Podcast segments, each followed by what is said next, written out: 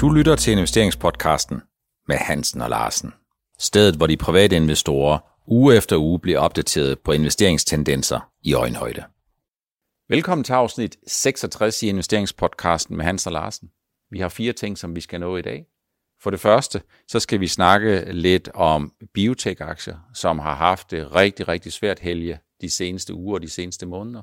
Det er noget, vi kommer ind på senere tematisk, når vi hen over sommeren har øh, et program, hvor vi forsøger at komme ind på, hvad det er, der driver biotech, og hvad der driver biotech-investorerne. Vi skal ind på, om Novo Nordisk er på vej til at bryde ud af det trading range, som den har befundet sig i øh, i en periode. Novo Nordisk har i den her uge, og viser i den her uge, utrolig stor kursstyrke. Vi skal ind på inflation. Bliver den til noget? Sker der noget? Investorerne de tager det stille og roligt. Vi ser det ikke i dollaren, vi ser det ikke i de amerikanske renter, vi ser det ikke i aktiemarkedet, men det betyder jo ikke, at det lige pludselig øh, ikke kan komme op som en fugl fønix, der lige pludselig kommer op af, af vandet. Og det fjerde, vi skal ind på i dag, det er verden ifølge Elon Musk. Han er altid god for en historie, både for så vidt angår Tesla, og Teslas udvikling, men også for det, som han har været lidt i vælten for de seneste uger, nemlig at han på samme tidspunkt øh, gik øh, i lag med den grønne omstilling, og så havde investeret i bitcoin, fordi han ligesom mente, at det var fremtiden. Han har glemt, glemt at fokusere på, at bitcoin de bruger en hel del øh, energi.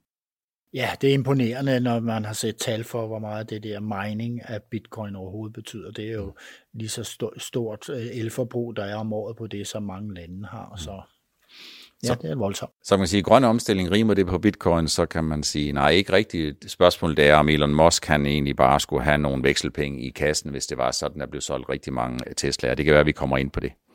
Det første, vi skal ind på, Helge, biotech-aktier, de har haft det svært uanset om man kigger på Bavarian Nordic, Zealand Pharma, nogle af de nordiske Hansa Biopharma, som vi jo havde et biotech-seminar øh, med.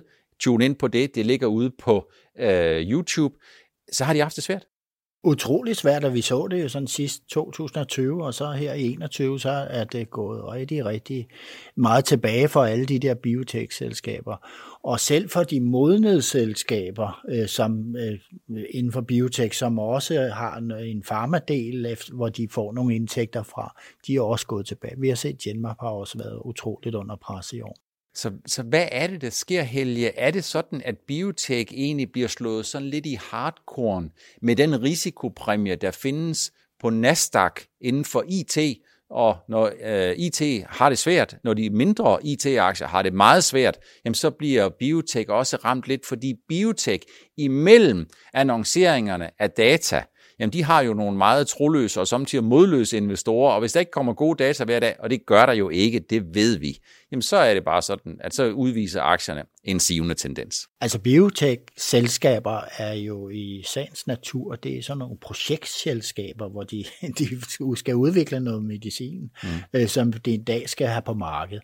Og der kan gå 9-10 år, mm. før et stof ud af mange tusind ja. kan blive godkendt og, blive, og virksomheden kan blive kommersiel, eller de kan lave en kommersiel aftale med en større øh, øh, øh, industriel partner. Mm. Men, men, og sådan er det jo. Mm. Øh, og, og der er stor risiko, kæmpe stor risiko i biotech. Mm.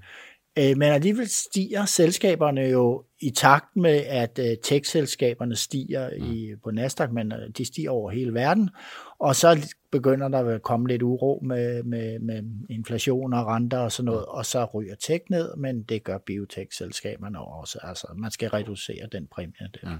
Men betyder det ikke, Helge, at der er en overrepræsentation af private investorer i biotech-selskaber set i forhold til risikoafkast for sektoren generelt set?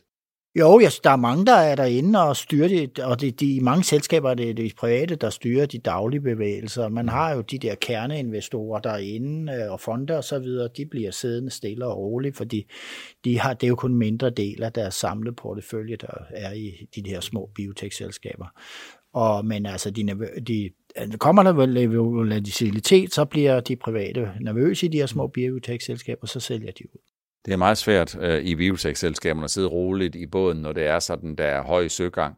Øh, men for, for så vidt angår det, som jeg har forsøgt at følge med i, så har vi ikke set en nyhedsstrøm på basis af forskningsresultater de sidste 1-2 måneder, som isoleret set kan berettige til, at aktiviteten hos investorerne lige pludselig er gået fra dur til mål. Er det ikke rigtigt? Øh, nej, det er jo business as usual. Altså, der er ikke noget, det kører som det skal. Ikke? Og de, i alle de her selskaber, når går man ind med en forhåbning om, at det resultat, der kommer til maj næste år, eller næste år igen, at det bliver godt, og så har man en lille smule liggende, og så øh, lige snart det bliver lidt uroligt, så vil man ikke tage penge på den del, man har det, og så sælger man ud. Det er sådan det er det, vi har set.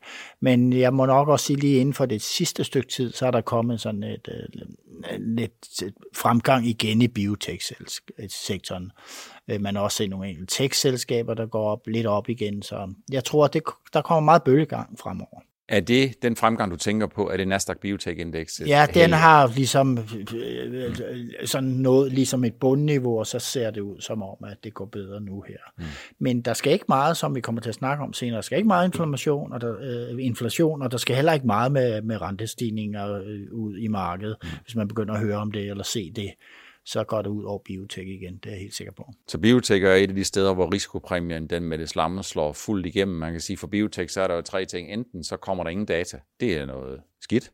Eller også så kommer der dårlige data, det er dobbelt skidt. Eller også så kommer der de gode data, som jo kommer en gang imellem, men som set i forhold til de forventninger, som investorerne de har, kommer alt for sjældent, og så er det måske bare en god grund til endnu en gang at understrege, at biotech-selskaber, det er ikke nogle selskaber, som man skal have i forbindelse med et specielt event på et regnskab eller noget. Biotech, det er forskningsresultater. Det er data, der driver biotech på godt og på ondt. Helt klart. Er der nogle ting, som, hvad skal man sige, Helge, nogle ting, der her i pipelinen sådan lige kan revitalisere aktiekursen? Der er vel ikke, hvad, hvad kan man sige, der er ikke nogle specielle hændelser, som, øh, som investorerne skal holde øje med? Nej, ikke over en bred front i den sektor, det kan jeg ikke se. Altså, men, men der kan selvfølgelig være øh, øh, aktiespecifikke øh, ting, som, øh, altså, hvor man kan sige, det selskab der, det, der, det står foran den og den. Og så er, ser man ser jo, at øh, man får jo meget, meget stor kursfremgang i de her små biotech-selskaber, hvis de kom, kommer igennem et forsøg med, med gode data.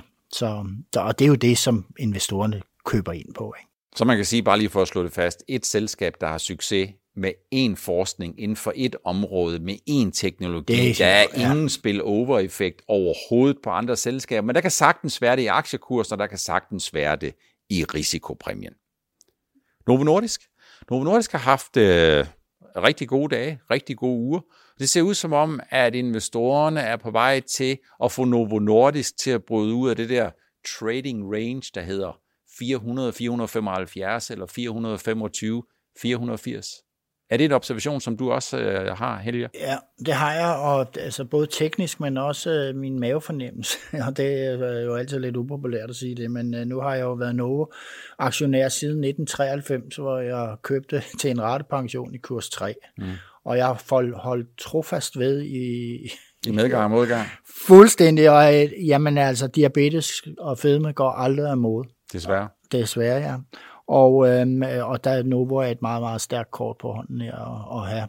Så jeg vil sige, selvom vi måske kun har til 10% fremgang øh, det sidste, de sidste 12 måneder i Novo, øh, og men 12-13% her bare alene i år, så er det et selskab, jeg tror rigtig mange vil føle sig tiltrukket af, efter en tid, hvor man er begyndt at løbe lidt usikker på, tech og alle de der ting, man tjener styrten med pengene på, mm. jamen så tror jeg, der er mange, der fornemmer, at det, det, det er ikke nok at, at satse på det, for det er for farligt. Så tror jeg, der er mange, der også vender blikket mod Novo igen. Og man kan sige, at basen af, af investorer, den tror jeg stort set er den samme, der har ligget mm. i det her trading range. Mm. Og, det, og, og det er sådan nogle, også som mig, som, nej, der er heldigvis mange meget større investorer, men, men øh, der er mange, der tænker, Jamen, vi får jo belønningen på, på den lange bane. Der, der ser ud til, at der nu er stigende vækst hos, hos, øh, hos Novo igen efter nogle svære år med, med, med ballade i USA omkring øh, priserne. Så der er vækst i Novo, og der ser ud som om, der stadig kommer gode udbytter. Øh, den kan nok tåle en lidt højere kurs, øh, så de køber ind på det.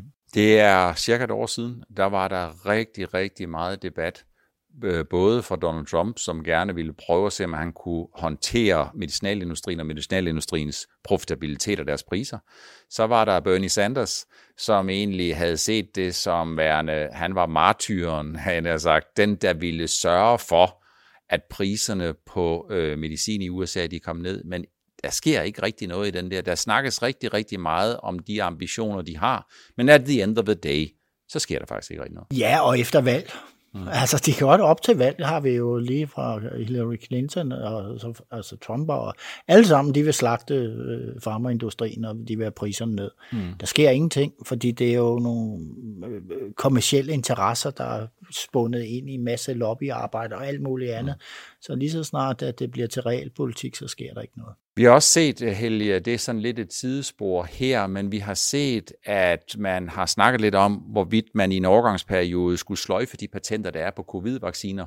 Øh, for ligesom at få produceret så mange, få så mange som muligt til at producere så mange forskellige, øh, eller så mange producenter producerer den samme vaccine så billigt som overhovedet muligt.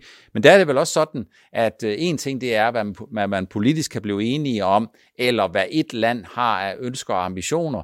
Men når det så rammer nogle lande, som producerer nogle af de vacciner, for eksempel Tyskland og BioNTech, så siger de, ja okay, det kigger vi lige lidt på, og inden man for alvor har øh, tænkt sig så meget om, så kan der måske godt gå et år eller to år, og så kan det godt være, at covid ser helt anderledes ud. Så der er stor forskel mellem de politiske ambitioner, man har, det man gerne vil være kendt for og genvælges på, og så det, den realpolitik, der er, fordi bagsiden af det her, det er jo, at det øjeblik, hvor man ligesom siger, nu sætter vi nogle patenter ud af kraft, jamen så vil virksomhederne jo, de vil reagere til at sige, spørgsmålet det er, om vi nu kan regne med og stole på, at der, hvor vi får en patentbeskyttelse i en vist antal år, om det er det, der også kan beskytte produkterne og ikke mindst vores indtjening. Og hvis ikke vi er beskyttet af patenterne, så har vi faktisk lidt en udfordring, fordi så kan vi jo ikke blive ved med at bruge milliarder og atter milliarder af US dollar i forskningsprojekter. Det er fuldstændig rigtigt, og jeg tror faktisk, at man øh, politikerne de sidder og forudser nogle juridiske slagsmål og dimensioner, og så på den anden side har de det her, ja, men rider vi bølgen af med covid, mm. ved at man hele tiden kan pumpe ind i land efter land mm. vacciner, og øh, så er der så de fattige lande tilbage, jamen så laver man nogle, nogle ordninger, hvor der, mm. man støtter, ja. øh, øh, hvor de rige lande de støtter, at der kan komme vacciner ud i, i de områder, hvor man ikke har den store øh, indtjening på, i selve landet, så mm. der er råd til at, at betale de priser, der er nu. Så i virkeligheden også måske sådan lidt ligesom det, ligesom som... HIV-medicin, man yes, ja. så laver man det, at man faktisk giver nogle af de der væk som værende, som en del af nogle af de der ting. Det ser ud som om, der er lidt, der er lidt uro i mikrofonen. Vi håber, det går. Det er ikke første gang, men så er den er der.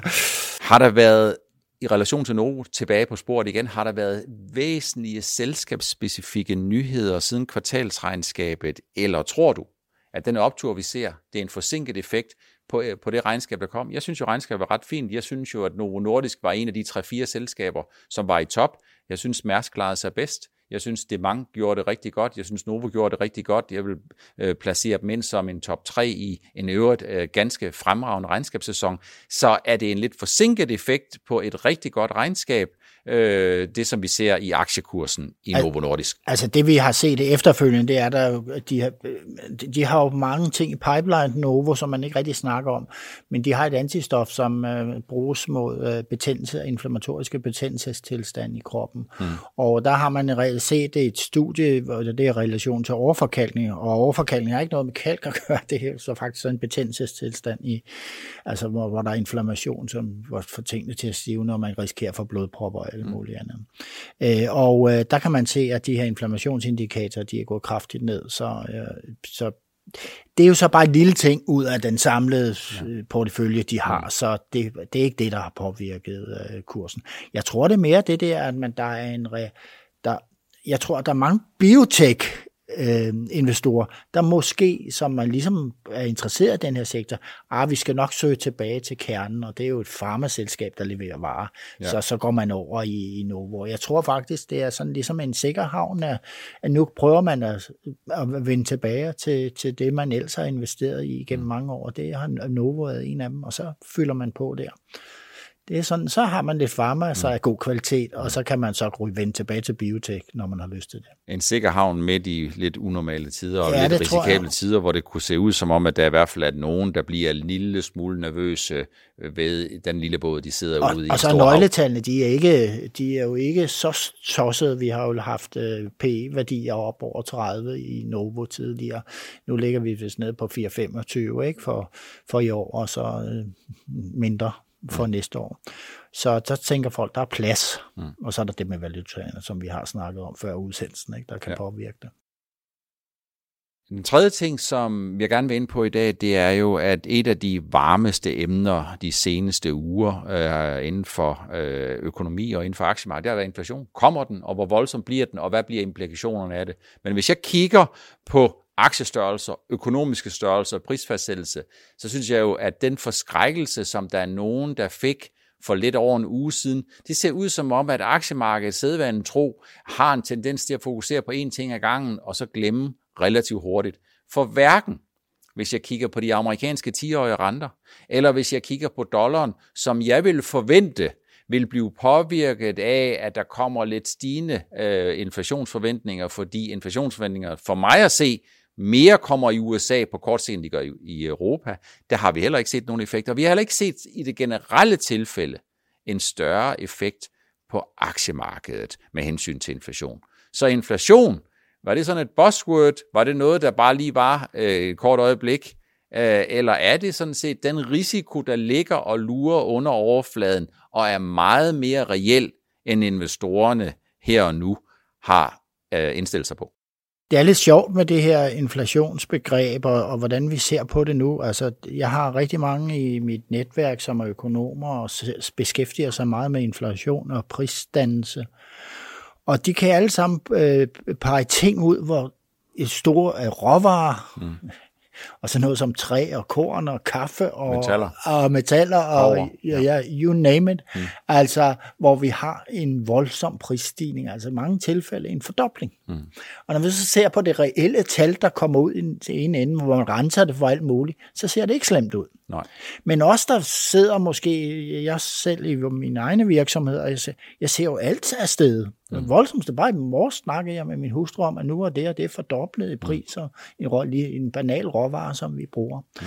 Og man kan jo se ude fra Kina, jamen de kan jo ikke, værdikæden er jo gået i stykker flere steder, og der er mange ting, de ikke kan levere, uden at de skal have dobbelt op, både på, på varen, men også på fragten hjem mm. til, eller afsted til Europa eller USA. Mm. Så på et eller andet tidspunkt, så går de reelle ting op for systemer og beregningsmodellerne og alt det her. Mm. Og så får vi et pres på, på, på renten også. Men hvad er årsagen til, Helge, at vi ikke har set det endnu afspejlet, hverken i dollaren eller de 10-årige renter eller i aktiekursen? Er det, er det, at det er så længe siden, at der har været inflation, at hovedparten af de nye investorer, der er kommet til på aktiemarkedet de sidste 3-5 år, de har kun hørt om faldende inflation, om fraværet af inflation, og hvis de har hørt om noget, om det der tion, så har de måske mere hørt om risikoen for deflation. Der er rigtig mange, der ikke har hørt om inflation, og vi har jo altid, øh, når, gennem årene, når man har været aktieinvestor, vi har jo altid kigget på det, det, det tallene for inflation. Mm. Øh, men der, der er mange ting, der ligesom at køre over hovedet på, på, på mennesker, der kommer ind i en tidspunkt, hvor der er så rigelig likviditet i markederne. Og det er jo den der store likviditet, hvor skal man ellers gå hen, og nul renter og alt det der. Ikke? Mm. Så, men på et eller andet tidspunkt må vi, blive, må vi nok blive overhældet af realiteterne. Mm. Og, øh, og det er jo så der, vi skal begynde at se nogle korrektioner i markedet af en vis størrelse. På kort sigt, nu nævner du det selv, jamen prisstigninger på øh, metaller og på andre råvarer, det er en ting de slår igennem på nogle af færdigvarerne. Men den anden ting, det er jo det der med at få flyttet varer rundt i verden. Du har for få fly i, i luften. Det er der mange, der synes er, er glædeligt. Containerskibe og... Ja, ja og, og det betyder jo så, at nogle af dem, der skal have transporteret varer rundt, de skal betale 2x, 3x, og jeg har set nogen, der siger op til 5x på deres luftfragt, simpelthen fordi der, hvor de normalt har fem eller syv selskaber, som beflyver, jeg ved ikke, hvor mange forskellige ruter, jamen der har de måske nu kun et eller to selskaber, og de er fully booked. Og det vil så sige, at de priser, der er på luftfragt, jamen de er jo stukket fuldstændig af, og kombinationen af stigninger i råvarer og nogle fænomenale stigninger i prisen på at få transporteret varer rundt Prøv at kigge på regnskabet for NTG, kig på regnskabet for DSV, kig på regnskabet fra Mærsk. De, de bedste to, øh, de sidste to kvartaler i Mærsk har vel været de bedste regnskaber, vi har set kvartalsmæssigt øh, på den primære drift de sidste 25 år, vil jeg sige. Jamen, øh, er det det, som, øh, som, som, som sådan for alvor kan, kan gøre en lidt nervøs? Jeg kan jeg godt blive en lille smule nervøs over det. Altså der, hvor, hvor det, vi virkelig får problemer med inflationen, det, det, eller det, altså der kommer på et tidspunkt, kommer der jo pres på lønningerne også. Mm. Altså lige nu har folk masser af penge, de har siddet derhjemme, og, og, og nu skal der bruges penge, ikke? og de sidder og sparer på biograftur, og restauranter og ja. ferier og alt muligt andet. Mm. Men der kommer jo et tidspunkt, hvor når, når alle de her penge ligesom slipper op, og der bliver hverdag igen, og så er det, at priserne kommer jo ikke ned i ude i butikkerne. Nej. Og så får vi jo det her med lønskruen, ikke? Altså, så skal der altså høje lønninger på bordet. Ikke? Mm. Vi er godt i gang med afsnit 66 af investeringspodcast med Hans og Lars. Vi har været inde og, og runde lidt omkring de mismodige øh, biotech-aktier, som har haft det øh, noget vanskeligt. Vi har snakket lidt om Novo Nordisk, som måske er på vej op og bryde ud af det trading range, handelsinterval, som den har været i igennem en længere periode. Og vi har snakket en lille smule om, hvorvidt den inflationsfare, som der var nogen, der var nervøse for for et par uger siden, øh, kan komme tilbage igen og vise sig i aktiemarkedet. Vi har ikke set det indtil videre, men det er en latent risiko. Og inden vi slutter, Helge, så skal vi lige rundt om det fjerde emne, verden ifølge Elon Musk. Elon Musk, han mener jo ufattelig meget om ufattelig meget. For nogle øh, måneder siden, der skabte han store overskrifter. Det gør han jo stort set altid, og han, han er det, som jeg kalder på kort sigt verdens mest betydelige influencer, fordi han har jo en, en, en holdning til alt, og den trykker han altså ud, og han har rigtig, rigtig mange øh, følgere, som ser ham som en kæmpe held. Tesla-aktien, den har det lidt svært. Øh, de tyske øh, bilaktier har fået sådan lidt et comeback, det har vi været inde på længe. Øh, Bitcoin, er faldet en hel del tilbage, var op og toppe øh, i øh, 64.839, så vidt jeg husker, øh, 64.839 dollar, og ligger nu omkring 40.000, og der er nogen, der begynder at kigge lidt på, hmm, kan vide, hvad med den miljømæssige effekt og alle de der ting. Er det et udtryk for, Helge, at investorerne er ved at kapitulere i bitcoin, og kan den der kapitulation, kan den ramme andre højrisikoaktiver? Lige tage det med det med miljømæssigt, jamen den diskussion har været meget kraftigere for nogle år siden omkring bitcoin og det der store forbrug, den har med det der mining halløj mm. der via computer. Så, øhm, men, og nu er den jo vendt og ramt øh, som en boomerang i, i nakken på, på Elon Musk, ikke? Altså, øh, og så har han røget ud af den der, og, og begrundelsen har jo været det med det miljømæssige, det burde han jo egentlig tage altså, jeg synes, det er grotesk. På, på, jeg synes, det er, det er fuldstændig grotesk. Jeg, jeg synes faktisk nærmest, det er lidt komisk, ja. når man ser, at billedet på den grønne omstilling inden for transportsektoren, inden for elbiler, elbiler til private, at, man, at han sådan ligesom er billedet på det, og så går ind i bitcoin, fordi han ligesom tænker, det er fremtidens digitale betalingsmiddel, og det ved jeg ikke noget om, det kan sagtens være, men at han ikke er i stand til at kunne se, en så visionær mand som han er, han ikke er i stand til at kunne se, at det har en bivirkningsprofil. Havde det været et biotech-produkt, så vil man sige, der, når den, der har den sikkert en ikke-tolerant bivirkningsprofil.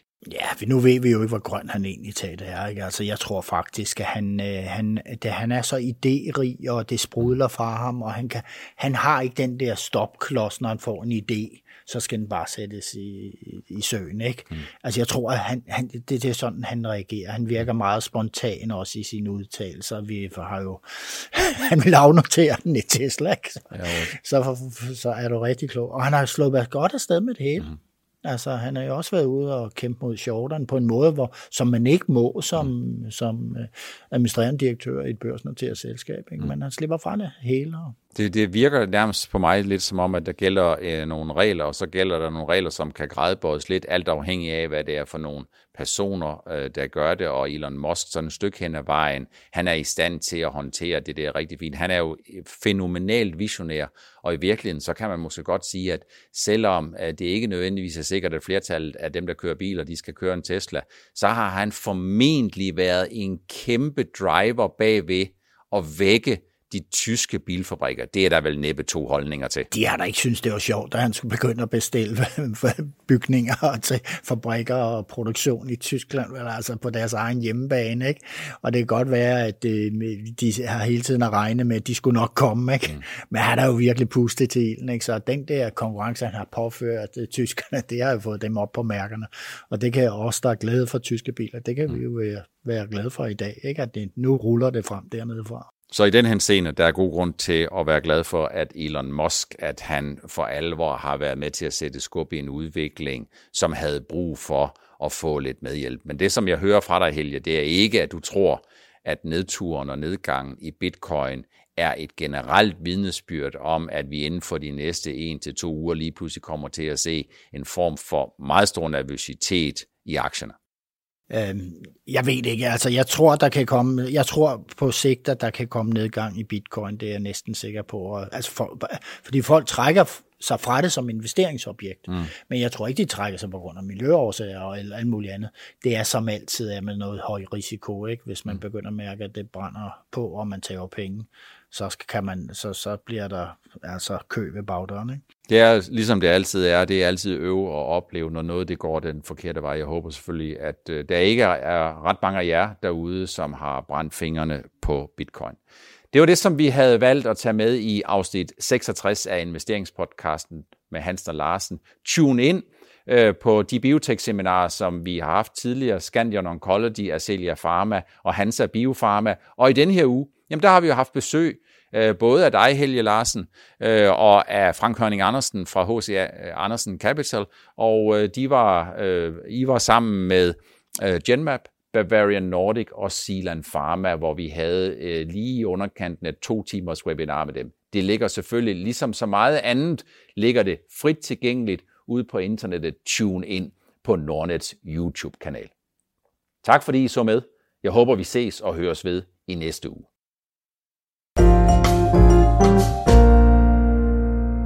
Du lyttede til investeringspodcasten med Hansen og Larsen. Vi ses igen i næste uge.